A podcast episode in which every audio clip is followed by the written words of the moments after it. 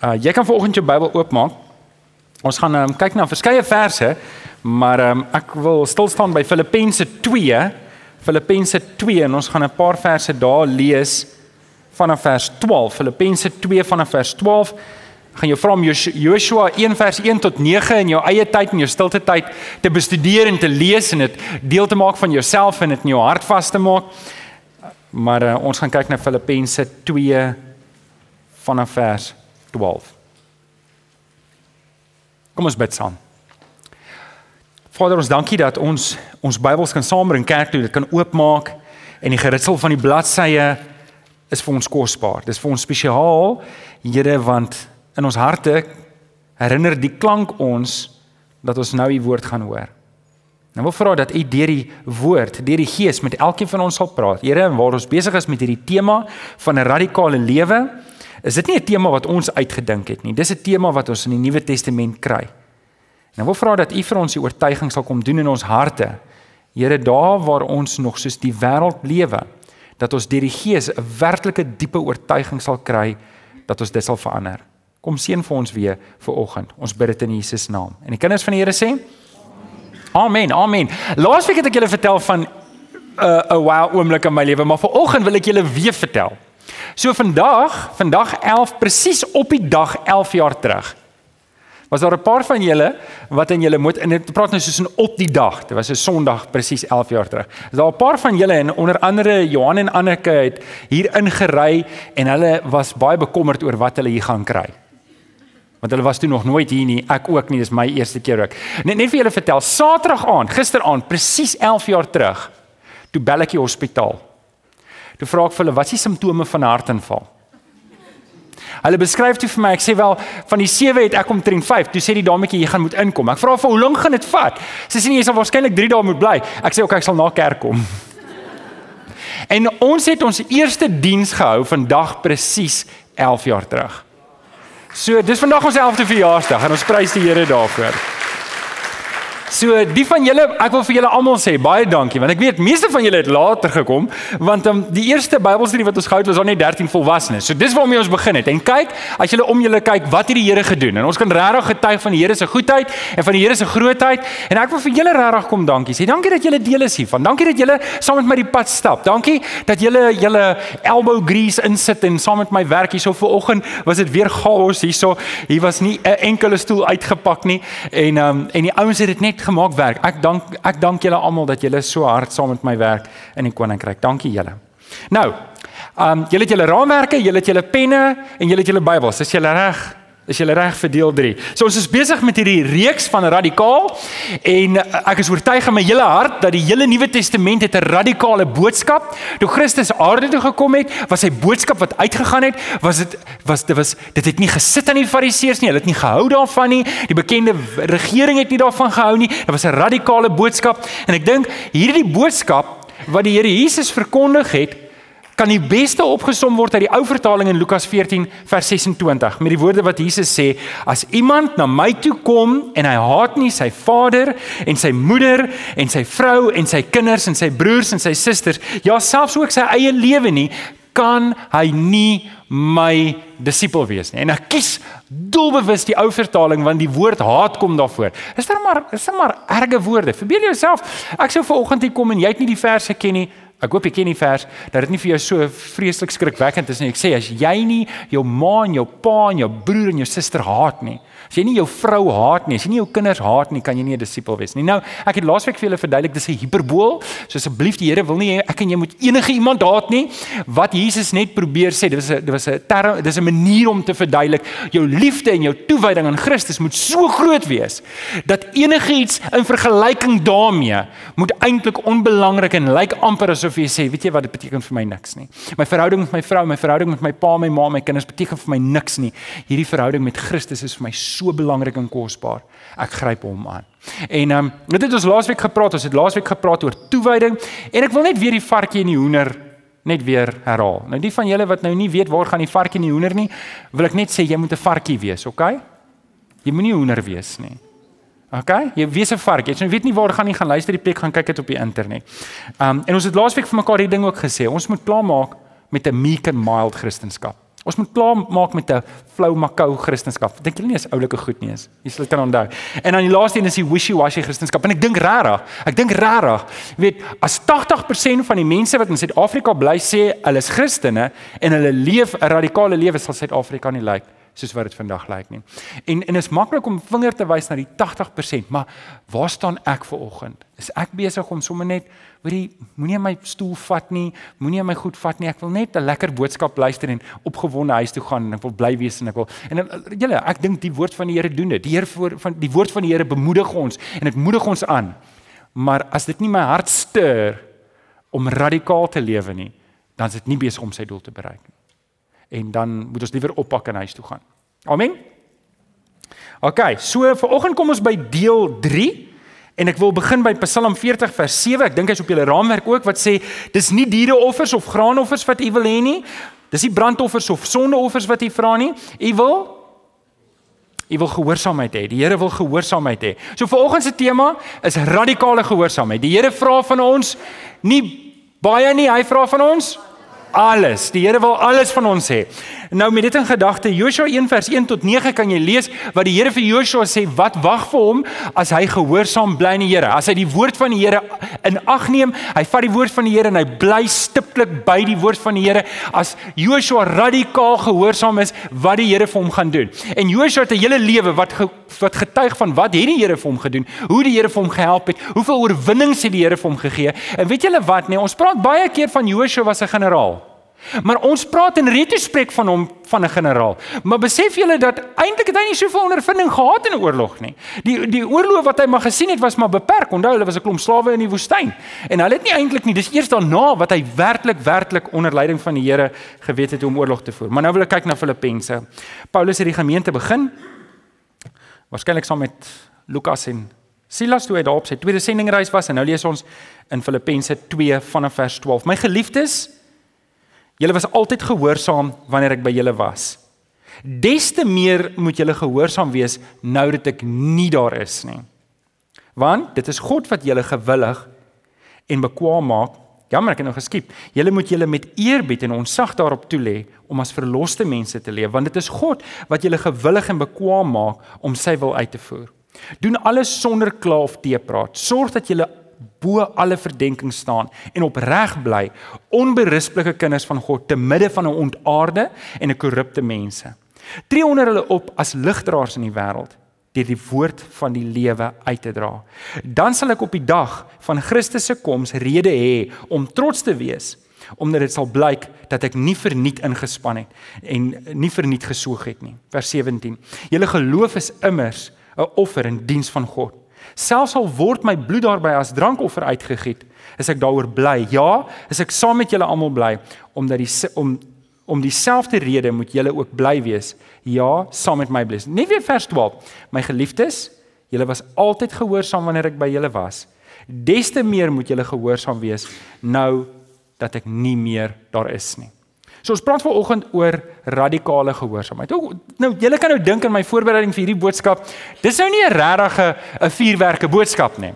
Want wat kan 'n mens nou sê? Ek kan vir julle sê, luister julle ouens, ons moet gehoorsaam wees aan die Here. Ons moet doen wat die woord sê. En dis dis dis dan dit. Nou is ons klaar nê? Nee? Nou kan ons huis toe gaan.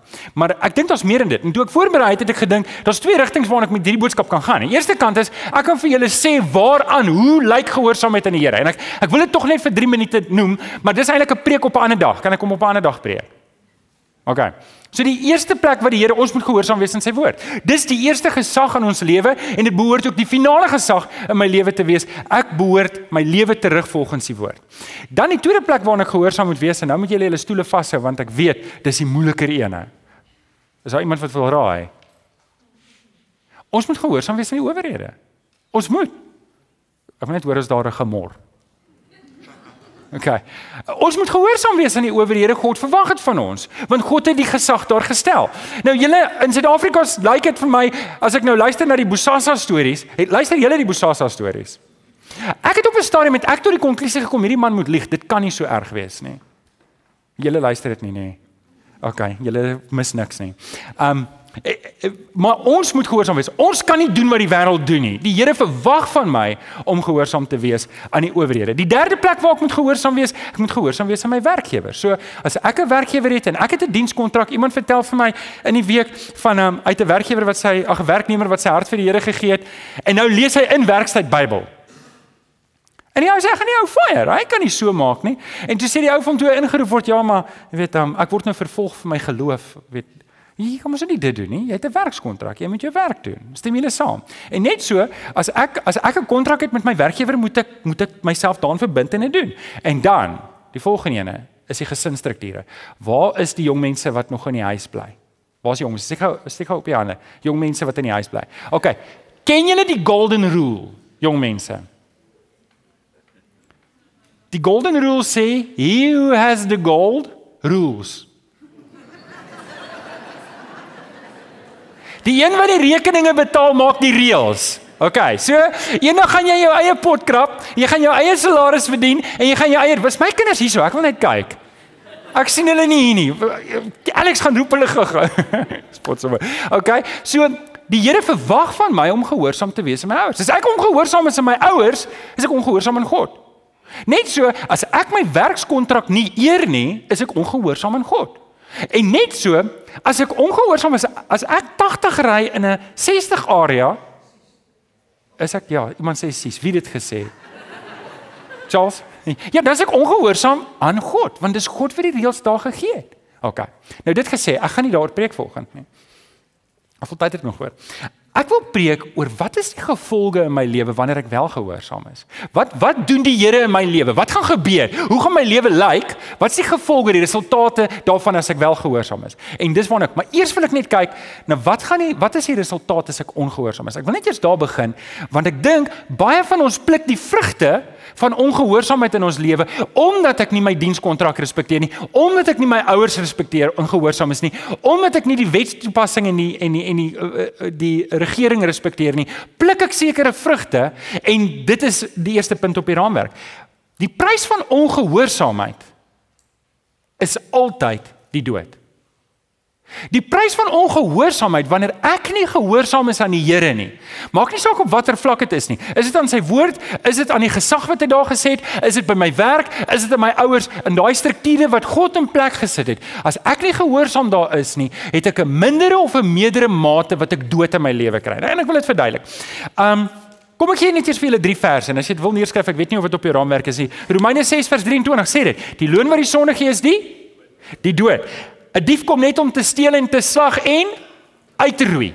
OK, julle hoor wat hy doen. OK, en dan 1 Petrus 5 vers 8, die vyand, die duiwel loop rond soos 'n brullende leeu. Nou ek wil net gou ietsie sê van die brullende leeu, kan ek? En ek het eendag hierdie verhaal gehoor wat wat 'n illustrasie was van hoe dit werklik is. So in die ou tyd, deesdae doen hulle dit met trekkers, maar in die ou tyd het hulle nie trekkers gehad nie. Dan het hulle in die dieretuin 'n donkie ingespan om die voer waar te trek van hok na hok.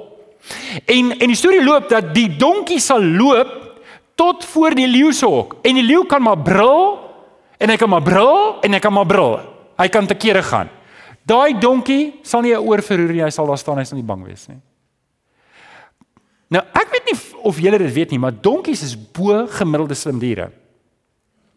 Ons ervaar hulle is hardkoppig, dom en steeks. Nou, hulle steek mos vas. En ek het dit met my en toe gaan lees ek op oor die donkies. Eintlik baie interessant. Dan donkies is eintlik baie slim. Wat ons beleef as hardkoppigheid is 'n donkie wat homself in wat hulle noem self-preserving mode insit. Hy ervaar dit wat jy nou wil doen is gevaarlik, so hy weier om te gaan. Perde is meer avontuurlustig, aka dom. Hulle sal goed doen wat hulle nie behoort te doen nie. Dis hoekom hoe, hoeveel mense het al gehoor het seer gekry wat perd gery het? Hoeveel mense al gehoor het seer gekry met donkie gery? Hoorie julle, dis hoekom Josef en Maria met 'n donkie gegaan het en nie met 'n perd nie. Jy weet jy kan nie ganse vat nie. Nie heeltemal so nie, maar jy kry die idee. So so die donkie is slim genoeg om te weet die leeu is binne in die hok. Dit is 'n gevaarlike dier, maar solank die leeu binne in die hok is, is ek veilig want ek is buite die hok. Nou kom ek sê gou-gou vir jou. Vat nou, vat nou donkie se kind en sit hom saam met leeu se kind in die hok. Dink jy gaan 'n ander prentjie sien? Ek sê vir jy sien 'n donkie wat almal rondhardloop. Hier ho, hier ho, hier. Ek weet dit sal 'n crazy storie wees. OK. Hoekom vertel ek julle die storie van die donkie? Want sien wanneer ek gehoorsaam is aan die Here, gaan ek die leeu oor brul, maar hy gaan niks aan my kan doen nie. Sien, baie keer dink ons, hoor ek het hierdie ding aangevang en nou straf die Here my. En eintlik het ek myself posisioneer in die leeu se hok. Ek het myself daar posisioneer en nou is ek besig om weg te hardloop vir die leeu wat brul, want hy brul nie nou net nie, nou wil hy byt. En ek moenie dit verwar met die Here se straf nie. Onthou julle toe die verlore seun weg was? en hy was daar tussen die varke en hy eet van die varke se pele en hy kom terug. Wat het die pa vir die ander broer gesê? Ons seun is terug. Hy was dood, maar hy het nou weer lewendig geword. Is dit die pa wat hom tussen die varke ingegooi het? Nee, dis die seun wat hom daar gaan posisioneer het. En vriende, ek wil vir jou net hierdie ding, ek weet net voordat ons verder gaan, wil ek jou net wys dat die prys van ongehoorsaamheid aan die Here is die dood. Dis die dood in my huwelik. Dit want ek luister nie wat die Here vir my sê oor my huwelik nie. Ek volg my eie kop en so posisioneer ek my huwelik binne in die leeu se hok. Ek posisioneer my gesondheid omdat ek nie luister wat die Here sê nie. Ek drink te veel en ek eet al die verkeerde kosse en ek pas myself nie op nie. En nou sukkel ek met my gesondheid En ek bedoel, ek vat my nou net 'n voorbeeld, maar dis nie die Here wat my straf nie. Ek het my lewe lank myself geposisioneer in die leeu se hok. Met my verhoudings, my verhoudings is is stikkend en flenters en ek sukkel oral in my, selfs met my finansies. Ek sukkel met my finansies want ek het die laaste 50 jaar dit verkeerd gedoen. Ek het nie geluister wat die Here vir my sê nie. En nou is ek in die leeu se hok. En, en en nou dink ek dis die Here wat my straf en dis nie die Here wat my straf nie. Dit is dit is hoe dood in my lewe inkruip op verskillende areas. En wanneer die duiwel hou vas op my kry. Nou oké. Okay. Wat is die teenvoeter daarvoor? Nou kan ek net gou-gou dit sê voordat ons nou kom by radikale gehoorsaamheid. Vriende, ek het dit al by 'n vorige geleentheid gesê en ek wil dit net nou weer sê. Ek kan 'n liewe kind van die Here wees. Ek kan my lewe oorgegee het vir die Here. Ek kan regtig hier kom sit en die Here aanbid met 'n eerlike hart en regtig regtig in oorgawe probeer lewe en nog steeds myself van tyd tot tyd in die leeu se hok posisioneer en nog steeds die prys betaal. En ek dink hier sit 'n paar van ons wat sê, "Johan, ek sit met die die merke op my liggaam van hoe die leeu my aangeval het in my lewe en en ek dra nou nog die letsels daarvan." En en dit beteken nie ek kan nie opstaan daarvan nie. Maar dalk as jy op hierdie plek waar die leeu jou het en jy moet opstaan en sê dis klaar. Ek wil opstaan saam met die Here en ek wil vir jou hierdie pad wys van gehoorsaamheid. OK. So wat gebeur wanneer ek gehoorsaam is? Wat is die resultate? Wat die eerste ding is, um op jou raamwerk, die eerste ding wat gebeur is ek sit my op die pad van seën. Ek word beloon. So wanneer ek gehoorsaam is, word ek beloon. Die Here beloon gehoorsaamheid. Die Here beloon gehoorsaamheid. Weet julle, al die plekke in die Bybel waar ons sê waar ek doen wat die Here wil hê ek moet doen, dan vat hy my op die pad van seën. In uh, Openbaring 3 vers 20. Kyk ek staan by die deur en ek klop en dit kan wees dat die Here vanoggend by jou deur klop en hy sê, "Hoorie, ek wil inkom in jou lewe." Wat gebeur as jy die deur oopmaak? Ek wil by jou ingaan en ons sal 'n Ons sal 'n feesmaal hê. Wie van julle hou van feesmale? Wie van julle hou van 'n skaapbout op 'n Sondagmiddag? Wie van julle het vanmiddag geskaapbou? Dit sou weer kom. Dit sou weer kom. Okay, so die Here beloon ons. Efesiërs 6 vers 8 sê: "Julle weet tog dat die Here elkeen sal beloon as hy iets goeds doen, of hy nou slaaf of 'n vryman is. Die Here beloon ons wanneer ons hom gehoorsaam. Hy beloon ons." En eh, asseblief dit het niks met prosperity te doen nie. Jy weet, luister as jy jou werk goed doen en jy doen die beste, gaan jy waarskynlik op die beste plek uitkom. OK, en as jy met vervolging kry vir jou geloof en jy lewe voluit vir die Here en dit beteken jy kry nie 'n promosie nie, wel weet jy wat, dan kry jy jou vervolging in die Here en dis ook goed. Amen. En ons moet 'n bietjie taaf wees. Ons moet 'n bietjie ons vel dik maak om te sê, weet jy, ek is nie hier vir hierdie aarde om te kyk wat kan ek hier uitkry nie. Ek lewe vir die Here. En en dit behoort ons houding te wees. Dis waar radikaal gaan. Ek is nie vir hierdie lewe nie, ek is hier vir die Here. OK. So radikale gehoorsaamheid is die pad van seën. Dit is die pad van beloning. Nou, Ek wil julle 'n baie persoonlike storie vertel. En ek het regtig gewik en geweeg of ek hierdie storie moet vertel toe ek voorberei het, want dis baie persoonlik en en en ek het nogal gedink, maar ek moet dit dalk vertel want dalk sit jy hier en dit kan resoneer. En dis dalk nie op dieselfde area van jou lewe nie, dit kan ook op 'n ander area wees, maar jy kan hoor dat wat gebeur het. So, ek en Tanya het getrou in 2000, Desember 2 Desember 2000 en ehm um, vir die eerste 5 jaar was dit mos honeymoon geweest. Dit is mos nou weer die eerste 7 sakke sout wat jy opsit. Maar daarna het 'n ding sy kop uitgesteek en en ek ek kon nie beheer kry daaroor nie. Ek het ek ek het begin kwaai raak met my vrou. Vir geen rede nie. Ek het net begin kwaai raak en ek dink dis die seer van dalk van die verlede wat in my lewe was wat opborrel, maar ek het ek was baie kwaai met haar en ek het baie met haar geraas oor alles. Ek het by die huis gekom en dis nie wat ek wou doen nie, maar ek het fout gesoek. Nie met haar nie, maar sommer met alles. Ek het ek weet ek was ek het soos 'n 'n leeu met 'n seer tand by die huis aangekom. OK, nou jy moet nou nie aan jou man of jou vrou stamp as dit nou hulle is nie. Maar julle besef julle, dit was nou dit was ek wil net vir julle die tyd gee. Dit was nou tussen 2005 en 2013. So ek was al 'n paar jaar predikant hier. En die ding het bly klim en bly klim en ek het net agtergekom, hoorie, ek is in die leeu ook. Ek is in die leeu ook. Die duiwel is besig om my hou vas in my en ek beskuldig nie hom nie. Ek bedoel, weet ek moet self verantwoordelikheid hê, maar ek kon net nie oorwinning kry oor hierdie ding nie. Ek die Here het vir my gesê hierdie ding is verkeerd. Dis 'n verkeerde pad. Ek is besig om skade te doen. En weet julle, in 2013 was daar 'n insident gewees En ek het voor die Here gebreek en ek gesê Here, U moet my nou help want ek kry nie oorwinning oor hierdie ding nie. En julle ek wil ek het nooit op haar gevloeke geskel nie en ek het maar ek was kwaai met haar vir geen rede nie. En en ek het geweet dit gaan ons ons huwelik kos as ek dit nie regstel nie. En die Here het vir my werklik oorwinning gegee omdat in my hart wou ek gehoorsaam wees aan die Here. Ek wou nie daai ding doen nie. En ek wil vir jou vanoggend sê, ek weet nie waarmee sukkel jy nie. Maar jy kan ook vanoggend die pad van beloning kies. En die rede hoekom ek dit vir jou vertel, ek wil nie jy moet jy uitstap en sê hierdie predikant het issues. Hy het ook my issues, maar ehm um, ek wil jy moet jy kan uitstap bemoedig om te sê, weet jy wat, ek kan ook oorwinning kry. En dis predikante, dis almal wat met hierdie probleme sukkel. Maar ek kan nie meer verskonings maak vir waarmee ek sukkel nie. Ek moet die pad kies van seën. Ek moet die pad kies van beloning. OK, dit bring ons by nommer 2. Dit bring ons by nommer 2 wanneer ek gehoorsaam is, leef ek my liefde vir die Here uit. Dis dis dis 'n gevolg. Dis 'n dis dis 'n bewys van my liefde vir die Here wanneer ek gehoorsaam is. Jo 1 Johannes 5 vers 3 en 4 sê die liefde vir God bestaan dan daarin dat ons sy gebooie gehoorsaam. So wanneer ek sê ek is lief vir die Here, wanneer ek werklik lief is vir die Here, is daar 'n dringendheid en 'n diep begeerte in my hart om te sê, Here, ek wil gehoorsaam wees aan U woord. En en wanneer daai begeerte groei, dan en ek en ek ry te vinnig, dan moet ek vir myself sê, maar dis nie ook my liefde vir die Here wanneer daai kerkkarretjie verby jou zoef, sê hy. Maar ek ry klaar vinnig. Wat vinnig ry hy nie? Ek straal nie my liefde vir die Here uit nie. Ek wys nie my liefde vir die Here wanneer ek wanneer ek doelbewus en aspres ongehoorsaam is nie. Nou weet julle, ek weet nie of julle die koerante lees nie. Dis nogal een van my kwale. Ek is lief daarvoor. En nou het ek nogal netwerk 24. So nou beteken dit jy kan enige tyd koerant lees op jou selfoon. En dit pla my geweldig dat hulle so graag beriggewing doen oor kerke. Hulle doen graag. Weet wanneer 'n predikant skeef trap, dan is dit in die koerante.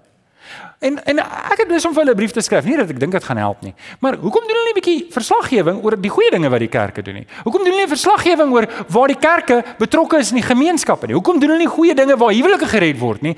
Maar jene, pas op dat een van julle 'n voet skeef sit en dit gaan in die koerant wees. Weet jy weet jy kan iets in die in die geheim gaan doen en dan is dit sommer die hele kerk van die hele Suid-Afrika wat dit doen. En en en ek dink nie hulle is regverdig nie, maar maar ek dink ook daar's genoeg lou Christene wat rede gee vir die beskuldiging.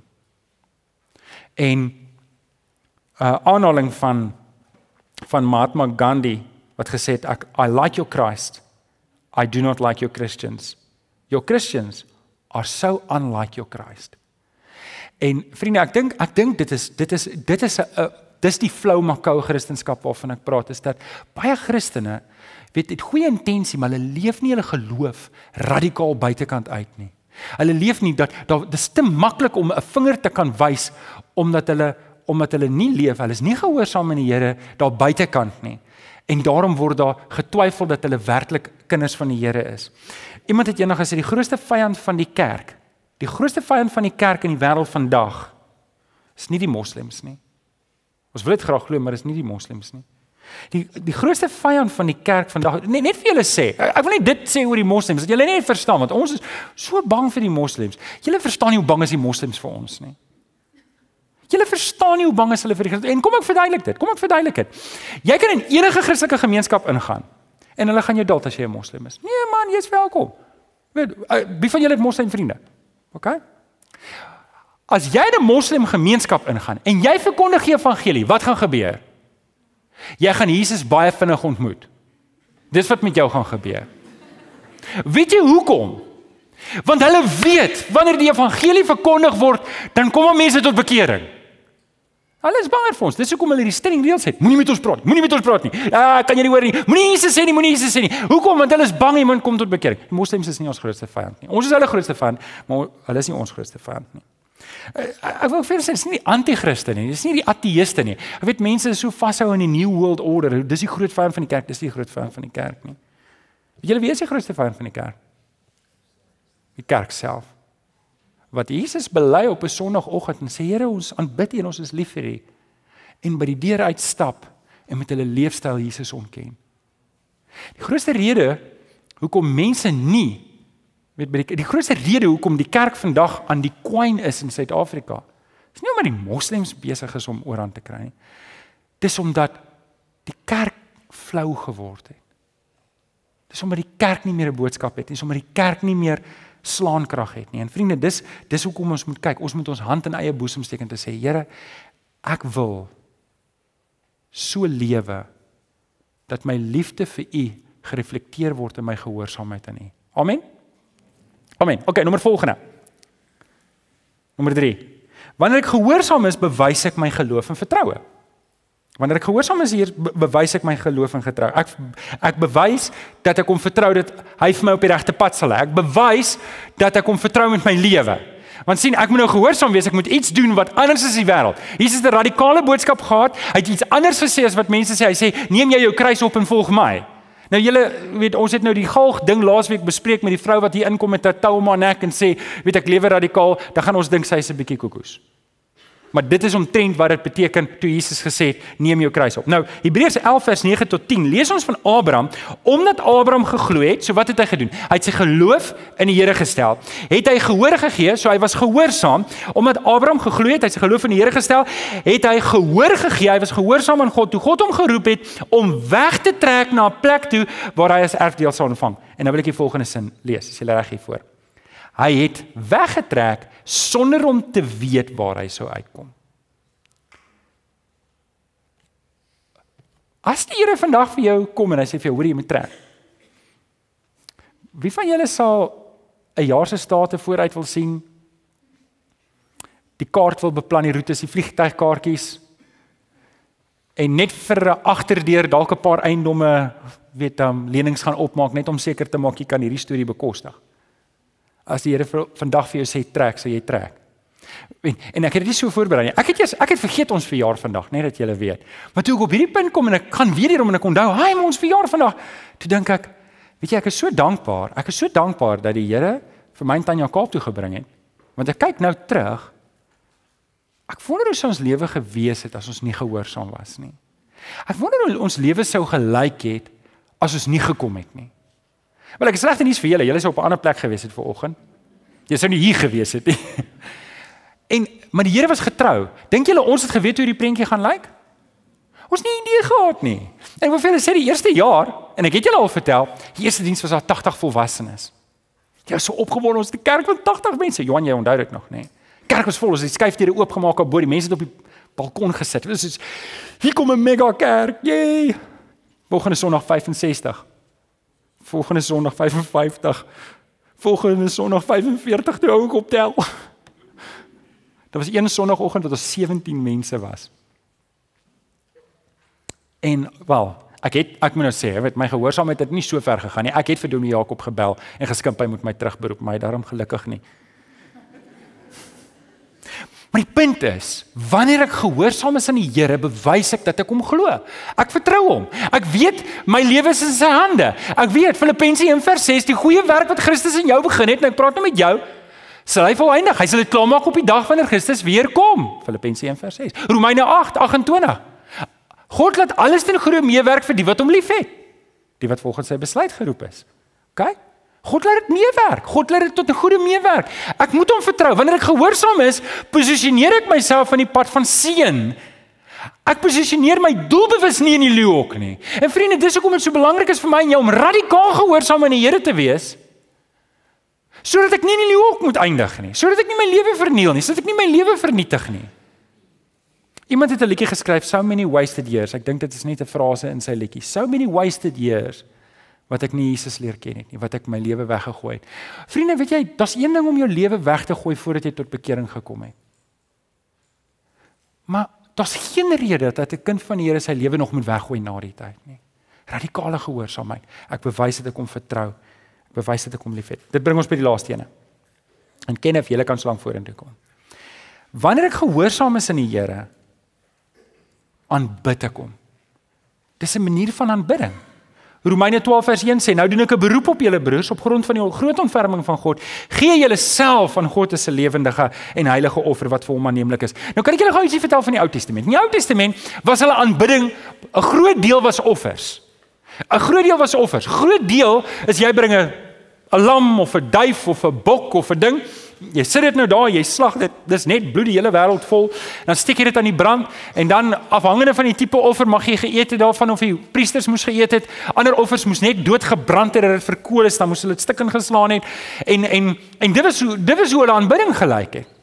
Maar maar die Here sê vir hulle, die Here sê vir hulle in Psalm 40 vers 7. Hy sê dit is nie julle offers wat julle verstaan die ding verkeerd. Want sien, hier's nou 'n agterdeur. En en ek dink, miskien doen ons dit baie keer ook sonder om dit as prins te doen en dit is ek doen hierdie sonde, maar ek sal later jammer sê. Ek doen hierdie ding nou, maar ek sal later jammer sê. Ek sal ek sal later hierdie ding regkry want ek het nie lekker nou oorwinning oor hom nie, maar ek sal maar intussen betaal ek 'n duur prys omdat ek in daai ding vasgevang is. En ek praat dit ondervinding uit. OK. Die Here soek nie my offers nie. Daar's net een offer wat die Here van jou soek.